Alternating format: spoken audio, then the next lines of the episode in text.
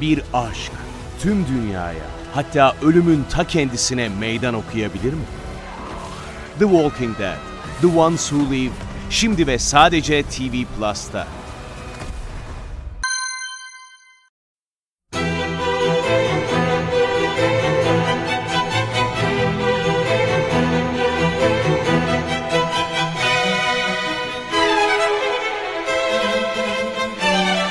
Herkese merhaba, Sinematris'te Görkem Öge ile birliktesiniz. Bu haftaki programımızda özel bir filmden bahsedeceğiz. Atatürk 1881-1919 filminden bahsedeceğiz.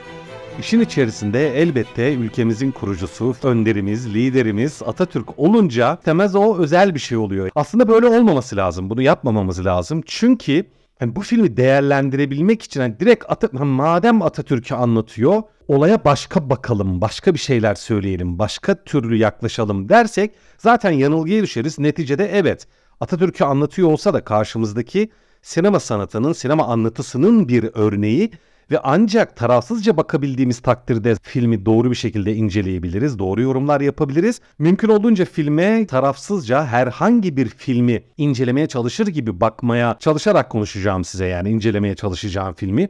İzlerken de bunu yapmaya çalıştım. Her ne kadar zorlanmış olsam da ya hiç Atatürk'ü tanımayan birinin bile izlediği takdirde Atatürk'ü tarafsızca ve doğru bir şekilde tanıyabilmesi zaten bir Atatürk filminin içermesi gereken bence ilk ve en önemli vasıflardan bir tanesi. Şimdi Atatürk filmi deyince tabii sinemamızda geçmişte çok sayıda Atatürk filmi yapıldı. Ancak herhalde şu konuda çok geniş bir kesim hemfikir ki görmek istediğimiz Atatürk filmi bugüne kadar hiç karşımıza gelmemişti. Evet yapılmış Atatürk filmlerinde iyi olanlar vardır, daha vasat ya da kötü olanlar vardır. Bu normal bir şey. Ancak görmek istediğimiz ya da Atatürk dediğimiz o kişiliği, o olguyu hak eden ve taşıyabilen bir film deyince inanıyorum ki hepimizin aklında bir film vardı. Benim aklımda mesela şöyle bir şey vardı ki birçok kişinin buna yakın bir fikirde olduğunu tahmin ediyorum.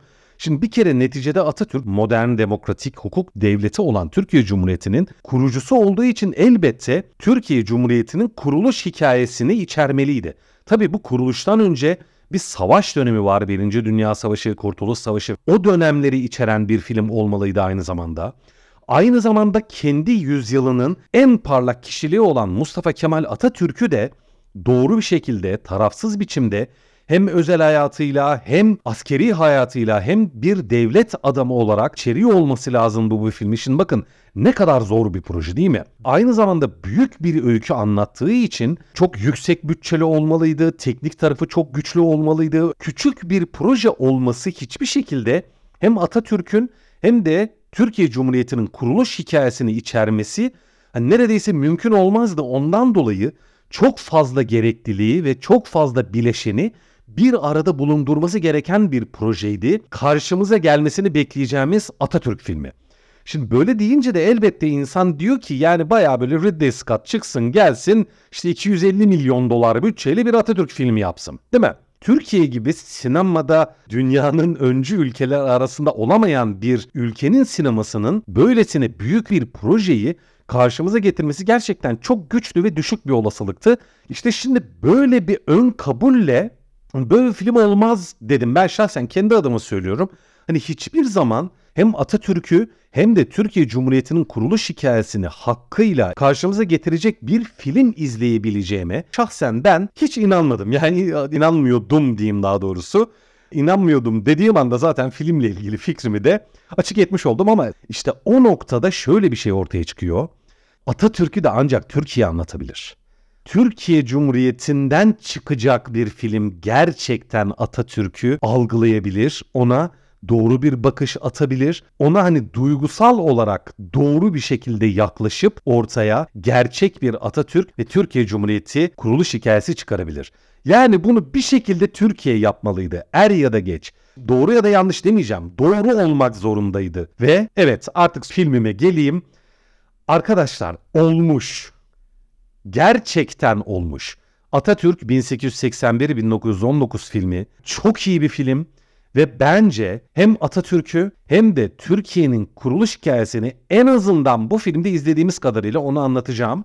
En azından gördüğümüz kısım itibariyle söylüyorum. Harika anlatmış, çok doğru yönetilmiş, çok doğru yazılmış, çok doğru canlandırılmış ve en önemlisi proje çok doğru bir noktasından tutulmuş. Bakın hani bir kere filme başlarken bu ekip bunu yönetmen birçok kez dile getirdi. Oyuncularla da yapılan röportajlarda bunu gördüm, duydum ve dedim tamam ya hani çok doğru bir yerden yola çıkmışlar. O da şu. Diyorlar ki ekip Tamam elbette Mustafa Kemal Atatürk ülkemizin kurucusu ve aynı zamanda kendi yüzyılının en parlak kişiliği. Hani bizim kahramanımız. Ancak bizim filmde anlattığımız kısımdaki Mustafa Kemal henüz bu kişi değil.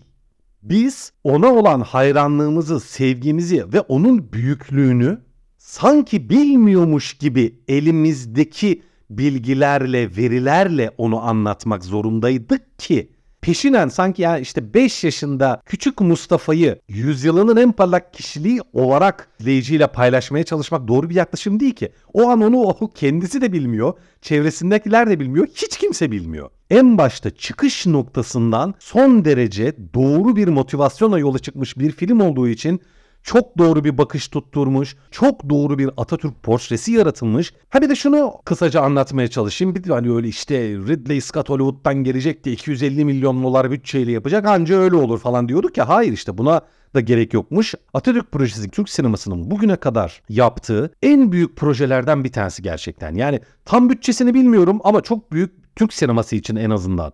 Büyük bütçeli olduğu kesin. Çok büyük bir ekip var sanat yönetimi, görüntü yönetimi, kostümleri, mekanları, setleri falan pırıl pırıl yani dünya standartları için bile iyi bence. Elbet bir Hollywood prodüksiyonunun ölçeğinin büyüklüğünün yanında elbette çok mütevazi ama bu hiçbir dezavantajlı durum ortaya çıkarmamış. Yönetmen diyor ki işte işte Çanakkale sahnesinde 800 kişilik bir figüran topluluğu kullandık. Okey. Şunu mu diyeceğiz? İşte Hollywood 10 bin tane figüran topluyor falan. Abi gerek yok. Bu daha iyi demek değil. Birkaç tane savaş sahnesi var. Farklı bölgelerde elbet setler kurulmuş. Hiçbiri çok büyük böyle çok ölçekli falan değil. Ama bu açıdan filmde bir zayıflık hissedilmiyor. Teknik olarak da hiç Hollywood'u aratmayacak bir güçte, özende karşımıza getirilmiş. O açıdan da ben çok mutlu oldum. Yani hani işte zayıf olacak ya işte kostümler zayıf olacak, tipler zayıf olacak, makyajlar zayıf olacak. Hani o kadar fazla bir figürasyon olamayacak, o kadar genel planlar göremeyeceğiz falan diye böyle bir o teknik eksiklik olacak diye gerçekten şeydim. Hatta Türk sinemasında bu tip eksiklikleri biz genelde bir böyle bir şefkatle hani olsun hani işte bir şey yapmaya çalışmışlar hani olduğu kadar olmuş. Bu film için öyle bir şey demiyorum. Hiçbir eksik yok diyebilirim yani. Ondan dolayı o işte 1800'lerin Selanik'i, işte 1900'lerin başının İstanbul'u o kadar özenli bir şekilde karşımıza getirilmiş ki. Aslında Hollywood biraz şov yapıyor yani. İşte çok para var, çok set var, çok ekip var. Hadi işte ta helikopterden işte dronlardan böyle kocaman bir cepheyi çekelim. Tüm şehri yapalım onu çekelim. Ya gerek yok abi sen öykün neyi gerektiriyor? Karakterin neyi gerektiriyor?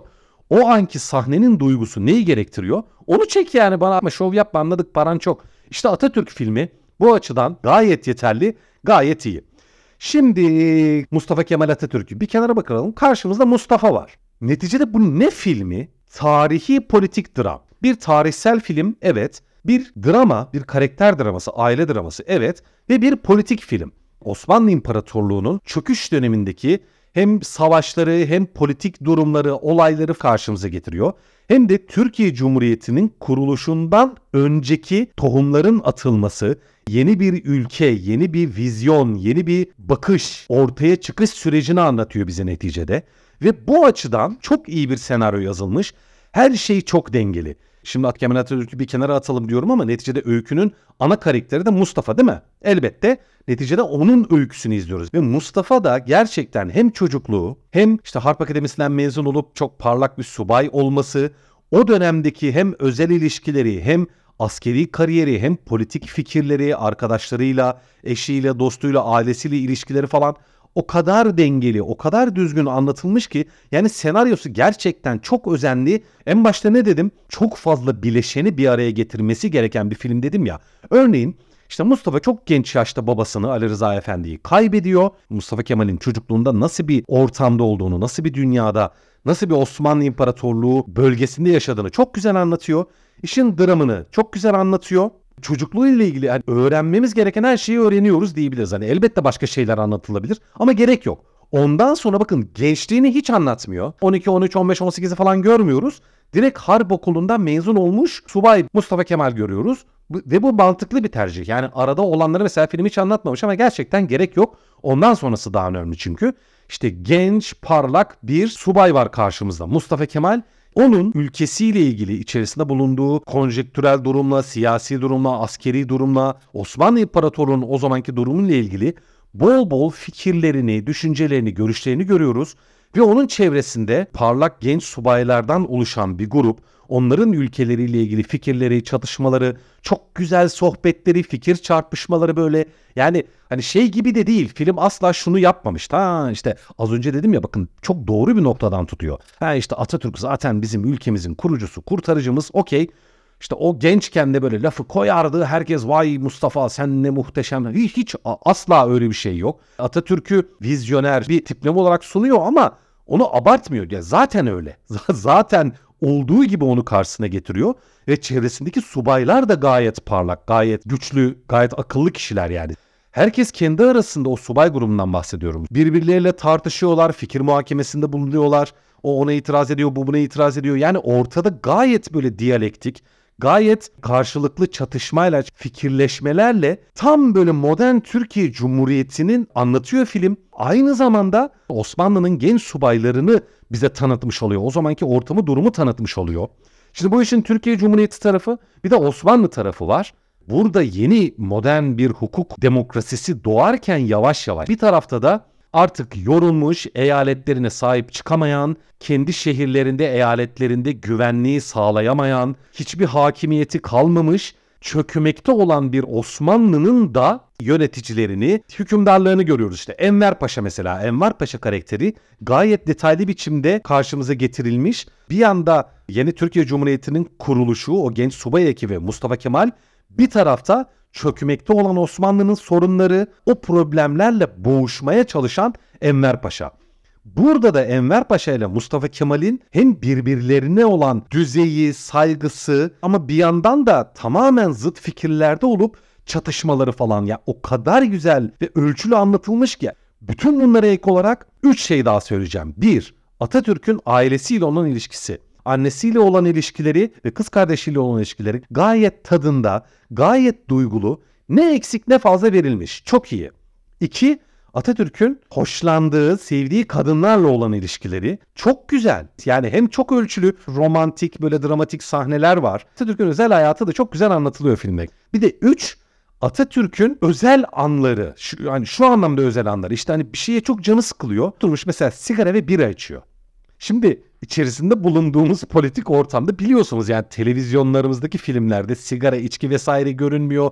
Hiçbir cinsel ima yok vesaire vesaire. Yani korkunç bir bu anlamda sansür dönemindeyiz biliyorsunuz. Benim o açıdan bir endişem bile vardı. Atatürk'ü içki içerken gösterir mi? Sigara içerken gösterir mi? Veya Atatürk'ün hani bir kadınla yakınlaşması, ilişkisi, bir kadına kur yapması vesaire. Bunlarda böyle bir film kendisine bir iç sansür oluşturur mu falan diye bir endişem vardı. Hiç öyle bir şey yok. Bunlar bile önemli arkadaşlar. Çünkü Türk sinemasında bunlar bile problem biliyorsunuz. Yani film hani o açıdan falan çok rahat. Hiçbir orada bir sıkıntı yok. Ve buna yak olarak şöyle bir şey söyleyeyim. Şimdi Atatürk'ü diyorum ona artık ayrıca gireceğim ama hadi gireyim o zaman madem hadi tamam bundan sonra gireyim. Şimdi karşımızda Aras Bulut İynemli diye gencecik bir oyuncu var. Ben tanımıyordum şahsen yani böyle internette falan görmüşlüğüm vardı da tanıdığım bildiğim bir oyuncu değil. Elbette tarihteki bütün gerçek kişilikleri canlandıracak oyuncu çok önemli değil mi? Çok önemli. Ona benzemesi lazım mümkün olduğunca. Yani belli bir makyaj payı var elbette ama biraz benzeyecek. Tamamen olmaz evet ama onu andıracak en azından. Şimdi Aras Bulut İynemli'nin gerçek hayatta baktığınızda Atatürk'e falan benzediğini ben şahsen hiç düşünmemiş. Alakası bile yok. Filmde zaten ilk gördüğümde ben Aras Bulut'u ya abi olmamış dedim yani. Hani olmamış. Ama işte bu bir yanılgı. Mesele şu. O oyuncunun filmin inşa ettiği gerçeklik içerisinde o karakter gibi görünüp görünmedi. Yani gerçek hayattaki gibi değil.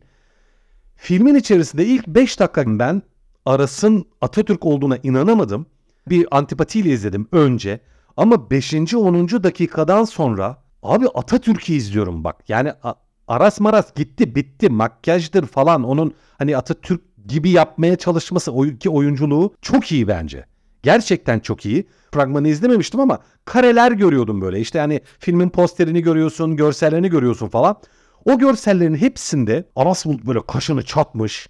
Tip, surat o kadar bana antipatik gelmişti ki kararlı güçlü bir karakter falan ve tam işte onun kararlı ve güçlü olduğu dönemleri anlatıyor film falan. Ondan dolayı böyle kaşını çata çata oynadı herhalde falan dedim. Ya bir antipatiyle yaklaştım. Hiç de öyle bir şey yok. İlk başta garipseyebilirsiniz filmi izlerseniz ama 10. dakikadan sonra valla o yani öyle güzel Atatürk'ü izledim ki ve oyunculuğu çok ölçülü, çok güzel. Çok çalışmış gerçekten bu genç oyuncu Atatürk olmak için çok çabalamış. Yani işte ata binmiş, işte Atatürk ya atın üzerinde Atatürk'ün nefis bir duruşu vardır ya. Yani tabloları bile var ya. Olağanüstü güzel. Atın üzerinde de dedi yani Atatürk gibi durmaya çalıştım. Onun için at binme eğitimi almış, dans eğitimi almış, bir sürü kitaplar okumuş falan. Adam çok iyi hazırlanmış ve hakkıyla olmuş arkadaşlar. Diyorum herkes bu fikirde olmayabilir. Ki oyuncu da bunu söylüyor. Yani öyle bir zaten başta reddetmiş çok zor bir şey ya cesaret edemem falan filan. Zaten bütün ekip bunu söylemiş de yönetmene önce senaryo gönderildi okumamış adam. Hani bir şekilde diyorum bütün ekip ve çok zor bir işe giriştiklerinin farkında olarak hepsi çok korkmuş. Bu kadar büyük bir projede elbette kusursuz olamaz ama bu film olmuş bence gerçekten olmuş. Beklentimin ötesine geçen birkaç şeyden bahsetmeye çalışayım size. Birincisi Filmin görüntü yönetimi mükemmele yakın. Renkleri, ışıkları, tonu, dokusu çok güzel, çok şık, çok estetik. Sanat yönetimi de çok iyi. O da şu ortamlar, evler, odalar, o binalar, her şey tabii yani şapkası, kostümü yönetmen Mehmet Ada Öztekin özellikle anlatıyor zaten. Yani inanılmaz özenli çalıştık diyor. Arkadaşlar filmdeki kostümlerin kumaşları dokunmuş hazır kumaş alınmamış çünkü evet günümüzde öyle kumaşlar yok. Kumaşlar dokunuyor. O dokunan kumaşlar ile yüzlerce kostüm dikiliyor bilmem ne kadar şapka şuradan getiriliyor. Bu kadar patlayan silah üretiliyor. Bu kadar ayakkabısı, bu kadar masası, bu kadar seti, bu kadar ışığı. Ya filmin sanat yönetimi çok iyi. Yani, yani mükemmel diyeceğim yani abartmış olur muyum bilmiyorum ama mükemmel seviyesinde. İşte Ridley Scott gelecek işte 250 milyon dolarlık film çekecek. İşte gerek olmadığını bu ekip bence göstermiş. Ya daha fazlası hani her zaman yapılabilir elbette ama bu filmde teknik açıdan görseliyle, sanat yönetimiyle diyorum kostümüyle, makyajıyla hiçbir eksik hissetmedim ben. Yani ya şu olmamış hani şurası eksik kalmış gibi bir şey hissetmedim. Film anlattığı yılları eksiksiz bir biçimde karşımıza getirmiş tebrik etmemek mümkün değil. Yani her ne kadar para harcandıysa, her ne kadar zaman harcandıysa yönetmen şey diyordu. Üçüncü doğum günümü de filmde geçirdim ben falan diyordu. Yani 3 yıl en azından bu film için çalışılmış ki hiç de fena bir zaman değil. Yani filmin hakkını verecek bir hem hazırlık hem çekim süreci geçirilmiş. İşte bunu filmde de görüyorsunuz. Çok iyi bir film çıkmış. Bilmiyorum hani yeterli mi daha anlatacak bir sürü şey var aslında filmle ilgili. Ha şunu anlatmam lazım. Çok pardon arkadaşlar. Şimdi ya öve öve bitiremedim değil mi? Ama işte Türkiye'nin ne yazık ki ülkemizin saçmalıklarının ki mağduru olabilecek bir filmmiş bu ki olmadı. Çok şükür olmadı. Yani olsaydı gerçekten çok üzülürdüm. Olmamış. O saçmalık da şu. Şimdi bu film en başında hadi böyle bir film yapalım dendiği zaman televizyonda bir dijital kanalda Disney Plus'ta galiba 6 bölümlük bir mini dizi olarak tasarlanıyor. Şimdi bakınız bu çok önemli bir şey bir filmi nerede göstereceğiniz film yapımı için, görselliği için, süresi için, bütçesi için her açıdan önemlidir. Devamı olacak mı, olmayacak mı? Ya bunların hepsi bir prodüksiyonun ortaya çıkış dinamiklerini etkileyen şeyler. Şimdi bakınız Elbette hepiniz duymuşsunuzdur. İşte film o kadar çalışıldı, edildi, tutuldu, çekildi, bağlandı, bitti, her şey yapıldı. Disney Plus iptal etti. Tabii ki çok kızdı herkes yani ortalık ayağa kalktı. Ya böyle saçma sapan şey olur mu? Niye? İşte herkes dendi ki işte tam o sırada tabi biliyorsunuz İsrail, Gazze çatışmaları, işte Hamas, Yahudi lobisi vesaire ortalık ya dünya zaten karma karışık. Ukrayna Rusya meselesi yetmiyormuş gibi de bu İsrail Gazze meselesi ortaya çıktı. İşte tam o sırada da işte bir Yahudi lobisi olayı. Çünkü Türkiye hani biz ülkemiz biliyorsunuz tamamen İsrail ve Yahudi karşıtı bir siyasi konum aldı. Ondan dolayı da Türkiye'nin hem Avrupa'da hem de Amerika'da bir antipati var bize karşı. İşte bundan dolayı da Amerika'daki işte Yahudi lobisi Disney'e baskı yaptı falan. Ondan dolayı da Atatürk filminin gösterime girişi engellendi deniyor. Ne kadar doğrudur ne kadar yanlıştır bilmiyorum. Elbette herkes bu karardan rahatsız oldu. Bunun üzerine film Fox TV'de gösterime girdi. Ya Fox TV zaten Disney'in bir kanalı. Yani hani Disney kendisi hani tüm dünyada göstermiyor da sadece Türkiye'de daha çok izlenen bir kanalda filmi gösterime sokuyor. Ya bu alenen ziyandır. Yani böylesine önemli bir prodüksiyonu Fox TV'yi küçümsediğim için söylemiyorum yanlış anlamayın ama ulusal bir kanalda bu kadar özenli bir filmin gösterime girmesi hemen işte izleyin yani annemiz fasulye ayıklarken Atatürk izleyecek. Yani ya böyle bir şey olmaması lazım. Bu bu doğru değil. Bu olmaz yani. Neyse ki film orada kalmadı. Arkasında nasıl süreçler var bilmiyorum ama film ikiye bölündü. Şimdi bakın yani orada da bir garabet var ama artık yapacak bir şey yok. Yani en azından filmi kurtarmak için böyle bir çözüm bulunmuş gibi görünüyor. İyi ki bulunmuş. Yani bu bu gerçekten filmin hak ettiği değeri görebilmesinin hani benim görebildiğim tek yolu da buydu zaten. İyi ki böyle yapılmış ki filmin gişesi gayet iyi. 4 hafta boyunca üst üste gişenin lideri oldu. En son 1,5 milyona doğru gidiyordu bildiğim kadarıyla ki bence yine çok az. Yani bu film çok daha fazla izlenmesi lazım ki izlenir izlenecektir diye tahmin ediyorum açıkçası. Uzun süre gösterimde kalacaktır diye tahmin ediyorum. Neyse film bir şekilde gösterime girdi. İki parça halinde olacak. İşte hani bu garabet dediğim meseleyi söyleyeyim. Filmin adı Atatürk 1881-1919. Yani normalde proje en başta Atatürk'ün Kurtuluş Savaşı'nı başlattığı İstanbul'dan hani Samsun'a çıktığı o döneme kadarki öyküsünü anlatacaktı. Ancak film ikiye bölündüğü için bizim sinemada izlediğimiz film isminde olduğu gibi 1881-1919 arasını anlatmıyor. 1881 ile 1915 arasını anlatıyor. Yani aslında bu bölüm 1. Atatürk 1881-1919 bölüm 1 diye gösterime girmesi lazımdı. Ama o şekilde de gösterime girmedi. Bakın bir yanlış yani. O bölüm 1 denmesi lazımdı. Çünkü değil. Ben gerçekten filmi izlerken işte 1919 aklımda kalmış ya. Atatürk'ün işte o konuda şeyler vardır ya farklı tarihi iddialar vardır. İşte Atatürk Samsun'a hem kaçtı. Yok işte 9. Kolordu müfettişi olarak yollandı. İşte yok Enver Paşa onu gizlice yolladı falan böyle bir sürü hani geçmişle ilgili farklı bilgiler var. Şimdi tarihçi değilim. Bunu yargılama konumunda bir insan değilim ama hani filmin oraya doğru gideceğini düşünüyordum ben. Şak diye bir cephenin ortasında bitti ki bana göre filmin tek bir tane kusuru var o da finali gerçek bir film finali gibi değil. Yani dramatik bir durak böyle bir final, bir son teşkil etmediği için ben böyle sonunda bir dramatik boşluk hissettim açıkçası. Hissetmedim değil ama yapacak bir şey yok. Dediğim gibi yani en azından onun bir affedici tarafı var. Arkadaşlar çok uzattım farkındayım. Farkındaysanız öyküden çok detaylıca bahsetmedim. Spoiler vermedim. Ya şunu da söylemeden edemeyeyim. Ya çok ağladım. Ya çok ağlamamın sebebi de hani filmde dramatik anlar var gerçekten. Böyle hani gözünüzün yaşının akacağı anlar var ama ondan değil. Ben en çok neyden ağladım biliyor musunuz? Kendi adıma söylüyorum bunu. Atatürk'ü gerçekten ya karşımda hissettim. Yani normalde çok da böyle ağlanmayacak anlarda bile benim böyle gözüm yaşardı. Yani filmin 5. dakikada ağladım. Yani bir insan, bir sinema sever bir filmin girişinde ağlar mı? Filmin ikna edici bir Atatürk portresi, Atatürk duygusu, Atatürk ya sevgisi demeyeceğim. Yani elbette hani Atatürk hepimiz seviyoruz. Film de Atatürk'ü seviyor elbette ama severek resmetmeyip gerçekçi bir şekilde, ikna edici bir şekilde karşımıza getirmiş olması beni inanılmaz mutlu etti. Özetle Atatürk 1881-1919 çok iyi bir film olmuş. Emeği geçen herkese teşekkür ediyorum ben kendi adıma ve bir sinema filmi olarak da gayet başarılı bir film olduğunu düşünüyorum. Size tabii ki gönül rahatlığıyla tavsiye ediyorum ya. Bence iyi bir film. Evet bu hafta Atatürk 1881-1919 bölüm 1 filmini anlatmaya, incelemeye, size özetlemeye çalıştım. Bu haftalık bu kadar. Önümüzdeki hafta tekrar görüşmek üzere. Teşekkürler.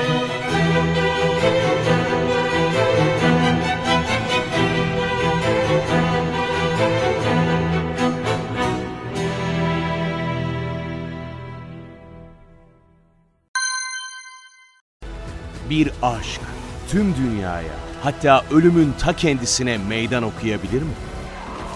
The Walking Dead, The Ones Who Live, şimdi ve sadece TV Plus'ta.